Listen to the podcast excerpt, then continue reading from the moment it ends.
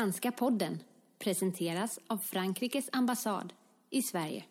Bonjour Eric et bienvenue dans le Franska podden de l'ambassade de France en Suède. Bonjour. Euh, nous avons la chance de vous recevoir à Stockholm pour la traduction en suédois de votre euh, livre L'ordre du jour. Donc il vient donc d'être traduit par Lotariad en suédois pour Lindenco. Donc euh, merci d'être avec nous ce soir au Biocapitol pour une soirée exceptionnelle. Est-ce que vous pourriez vous présenter en, en quelques mots pour, pour nos éditeurs tout d'abord? Moi, je m'appelle Éric Vuillard et je suis né le 4 mai 68 et je suis écrivain. Fantastique. Alors, Eric, est-ce que vous pourriez nous, nous parler en- un petit peu de la genèse de l'ordre du jour? Est-ce que, est que vous pouvez nous dire pourquoi est-ce que vous avez décidé de vous intéresser à, à la montée du nazisme en Allemagne, à l'Anschluss, et plus particulièrement au travers de faits qui ne sont peu ou pas connus euh, du grand public? Bon, tout, tout d'abord, on a, on a tous tendance évidemment à reconstituer la, la jeunesse des, des- des choses qui, qui nous arrivent.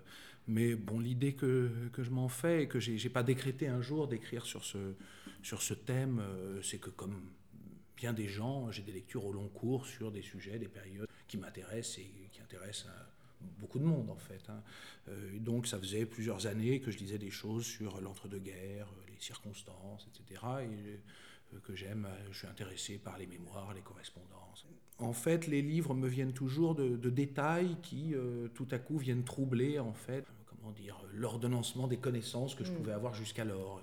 Et là, il y a plusieurs détails, toute une série comme ça, on peut dire, de petites anomalies qui euh, Est-ce que vous en- pouvez nous en parler ou nous donner oui, quelques oui, tout- exemples? tout, tout à fait, et qui tout à coup euh, nécessitait d'une certaine façon que j'écrive. C'est-à-dire il y a des, euh, euh, parfois des, choses qu'on peut lire qui viennent euh, modifier les connaissances qu'on avait, enfin demande à ce qu'on réfléchisse davantage ou qu'on se remette en cause, mais qui ne nécessitent pas pour ça d'écrire.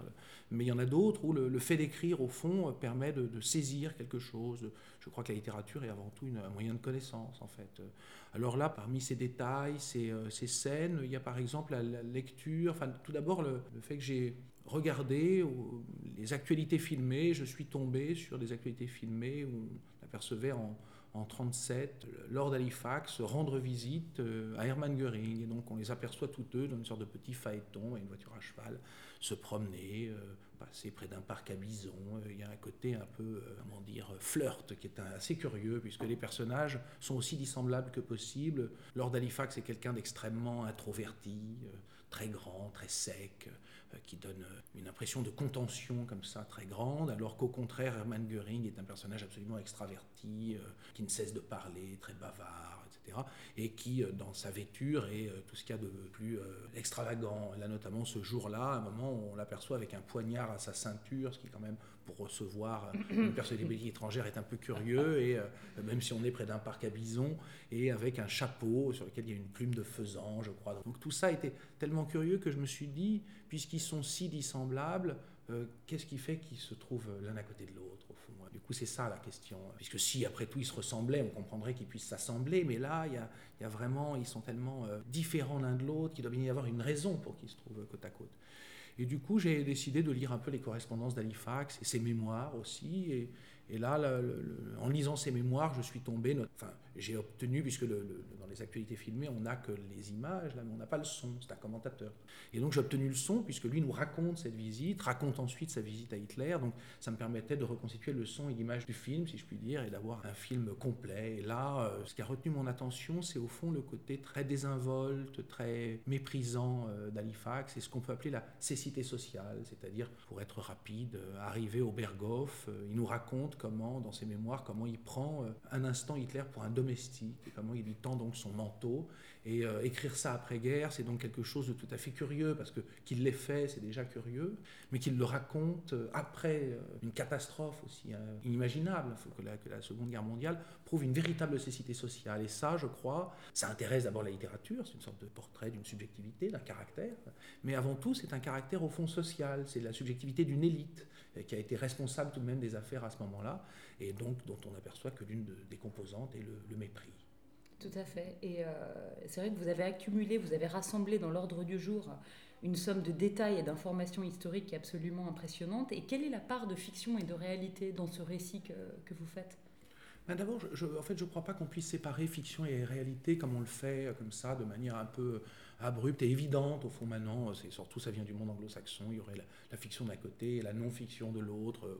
Il n'y a même plus la réalité. Fiction non-fiction qui seraient deux catégories qui semblent rationnelles.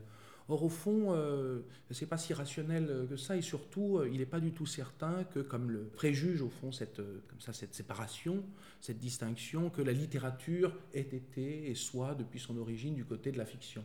Je crois l'inverse, en fait. Je crois que la littérature a pour objet de nous dire quelque chose de la réalité. Et qu'au fond, il est, il est, dur de distinguer entre un discours, disons, scientifique, et la littérature lorsque euh, Zola, euh, dans Germinal, pour prendre voilà, un livre très célèbre, raconte un épisode de la vie euh, des mineurs et une grève, évidemment on peut dire qu'il invente la grève, etc. Mm. Seulement, il est à l'époque le premier à se documenter, il est le premier à être parti sur les lieux. Et le dossier de Germinal, c'est 900 pages d'articles, de notes, etc. Et c'est un voyage de plusieurs jours où Zola non seulement descend dans la mine, mais interroge les ouvriers, se rend dans leur, leur café, leur troquet, leur restaurant, rentre dans des, leurs maisons, euh, etc., et euh, les interroge. C'est une sorte de travail d'anthropologie avant la lettre, au fond, puisqu'à ce moment-là, il ne faut pas oublier que l'anthropologie est une anthropologie de cabinet. Euh, mm. Fraser ou, ou, même Durkheim ou Mauss, les grands anthropologues et sociologues du 19e, sont des gens qui ne sortent pas de leur bureau. Donc la littérature est sortie, si je puis dire, de son mm. bureau auparavant. Et donc on considère que Durkheim, ça n'est pas de la fiction, et on considère que Zola, c'est de la fiction. Je crois qu'il faudrait revoir cette affaire. Et en guise de conclusion, est-ce que je peux vous demander de parler brièvement de votre nouvel ouvrage, La guerre des pauvres, qui a reçu un accueil tout à fait particulier en France, notamment en lien avec le mouvement des Gilets jaunes? C'est un livre qui porte sur une, révolte euh, qui s'est produite en Allemagne pendant la Réforme, hein, puisque vers 1524-1525, le, fond euh, idéologique, c'est la Réforme, c'est Luther, le protestantisme euh, naissant. Les deux choses qui m'intéressaient, c'est que cette révolte, tout d'abord, est très composite. On l'a longtemps appelée, les historiens l'appelaient la guerre des paysans, mais au fond, elle avait un autre nom aussi en, Allemagne à l'époque, on l'appelait le soulèvement de l'homme ordinaire. Et je crois que vu depuis notre période, puisqu'on regarde toujours l'histoire depuis le présent, on ne peut pas la regarder depuis un point neutre, euh, hors du temps, depuis le présent, cette expression d'homme ordinaire nous dit quelque chose.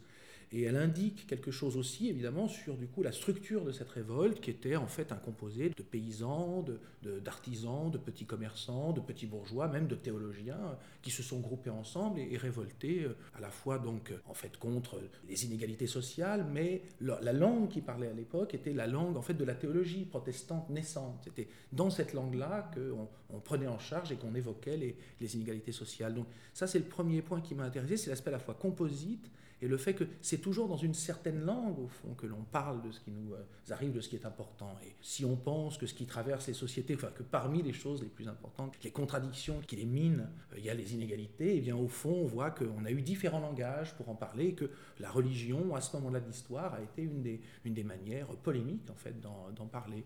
Et puis l'autre point qui m'a intéressé, c'est le, livre, c'est lié au, à l'écrit. Euh, c'est-à-dire que cette révolte, en partie, trouve à sa tête euh, des sortes de médiateurs à l'époque. C'est des gens qui savent écrire et qui peuvent correspondre avec les princes, lutter, élaborer des stratégies militaires. Et parmi eux, il y a un théologien éminent qui s'appelle Thomas Munzer, et qui est un écrivain de, grand talent. Alors c'était à la fois intéressant parce que c'est une vie tragique, et bon, d'un point de vue littéraire, évidemment, il y a quelque chose, c'est une vie qui mérite d'être racontée, puisque son père avait euh, été pendu, euh, donc il est orphelin, et son père avait été pendu euh, par l'arbitraire du prince, donc on peut dire que sa vie, comme ça, se trouve ouverte par un, drame auquel elle va rester fidèle, en fait, en, un certain sens, et lui va, va mourir décapité très jeune, donc bon, voilà, ça fait une vie encadrée c'est un drame et c'est comment dire, c'est une vie courageuse, ardente.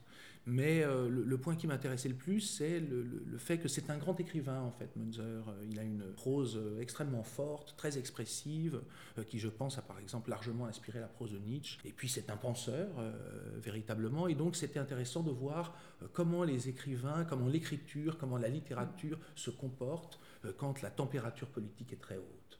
Merci beaucoup. Merci. À bientôt en Suède. À bientôt, merci. Merci.